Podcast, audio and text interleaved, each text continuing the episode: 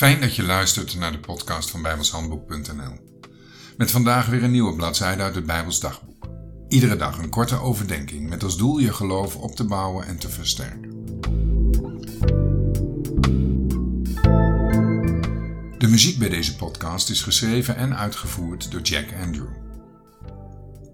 Het is vandaag 3 februari. En ik wil beginnen met het lezen van Romeinen 5 vers 12 waar staat Daarom gelijk door een mens de zonde in de wereld ingekomen is, en door de zonde de dood, en alzo de dood tot alle mensen doorgegaan is, in welke alle gezondigd hebben. De Bijbel leert ons dat het noodzakelijk is dat we wedergeboren worden. We kunnen hier dus al uit concluderen dat onze natuurlijke geboorte, in de Bijbel ook wel vlees, oude mens of oude natuur genoemd, niet voldoende is.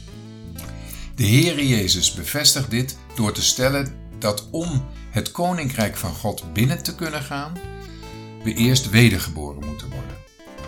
Lees Johannes 3, vers 4. De natuurlijke mens is door zijn geboorte uit Adam een zondaar en daardoor ongeschikt voor het koninkrijk van God. Het is dus noodzakelijk dat we van deze oude zondige natuur verlost worden. En dat is al gebeurd op Gogolta, toen de Heer Jezus onze oude mens in de dood heeft gebracht. Romeinen 6 vers 2 en daarna Romeinen 6 vers 4. Romeinen 6 vers 2. Wij die door de zonde gestorven zijn, en dan naar 4, wij zijn dan met hem begraven. Let op, het woord zonde staat in het enkelvoud. Het wordt hier in het enkelvoud gebruikt.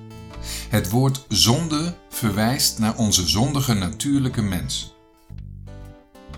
Het gaat hier dus niet om zonden.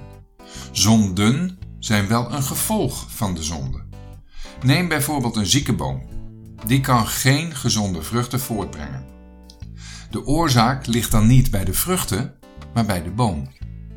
En je kunt onze stamboom of oude mens daarmee vergelijken. Wij zondigen omdat we zondaar zijn. In Johannes 3 vers 6 zegt de Heer dat vlees door vlees wordt voortgebracht. Wat betekent dat wij onze oude natuur van onze ouders geërfd hebben. We zijn dus als het ware erfelijk belast. Er is geen sprake van een keuze.